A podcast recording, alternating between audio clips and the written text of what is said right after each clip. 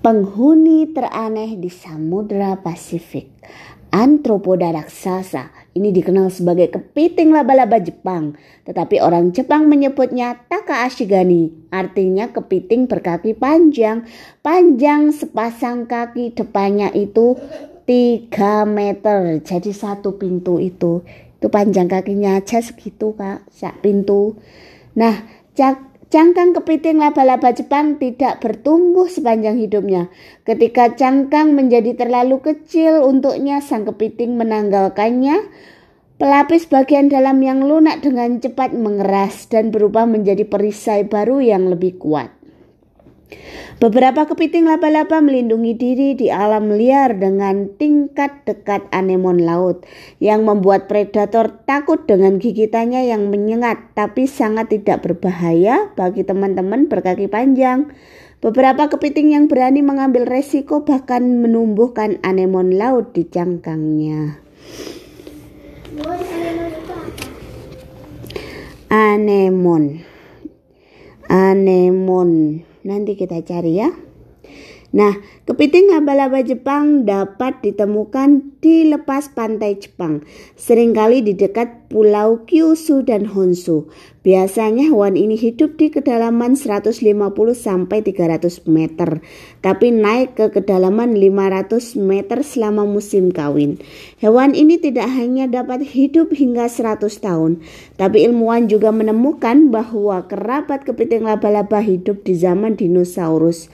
Sejumlah foris, fosil kruseta purba membuktikannya. Kepiting laba-laba Jepang digunakan sebagai dekorasi rumah dan akuarium dan dagingnya menjadi hidangan yang lezat. Inilah sebabnya kepiting laba-laba Jepang harus sangat dilindungi khususnya selama musim semi ketika hewan ini mengarungi air dangkal untuk bertelur. Nah, Caulerpa tumbuh sangat cepat sehingga disebut rumput liar namun landak laut suka memakannya. Ini kak tumbuhannya. Ini disukai oleh landak laut. Ini namanya kepiting Jepang. Kepiting laba-laba Jepang. Adapun gurita laut dalam Gurita laut dalam yang lucu ini memiliki sirip unik yang tampak seperti telinga raksasa dan dinamai berdasarkan tokoh kartun Disney. Mereka kemiripannya seperti kartun gajah tersebut. Ini gurita dumbo. Gurita dumbo ini lucu memang. Makanya makanya adik bisa nggak takut sama gurita dumbo ini. Ya. Nah, ada lagi ikan aneh ini tampak seperti kelelawar dengan bibir berwarna cerah. Tonjolan aneh seperti hidung di keningnya berfungsi semacam pengail untuk memancing ikan ini. Ikan kelelawar berbibir merah. Bentuknya seperti ini. Nah, ini di jidatnya ini ada pengail yang fungsinya untuk mengail ikan untuk dimakan. Terus ada lagi Macropina microstoma. Macropina pinostoma ini ikan laut yang menakjubkan memiliki kepala transparan, mata hijau, cerahnya yang berbentuk silinder dapat bergerak bolak-balik dari posisi vertikal dan horizontal ini. Jadi kepalanya dia itu transparan. Apa itu transparan? Iya, kepalanya itu bening ya. Nih, kepalanya ini bening. Jadi dia kelihatan dalam-dalamnya kepala saking beningnya.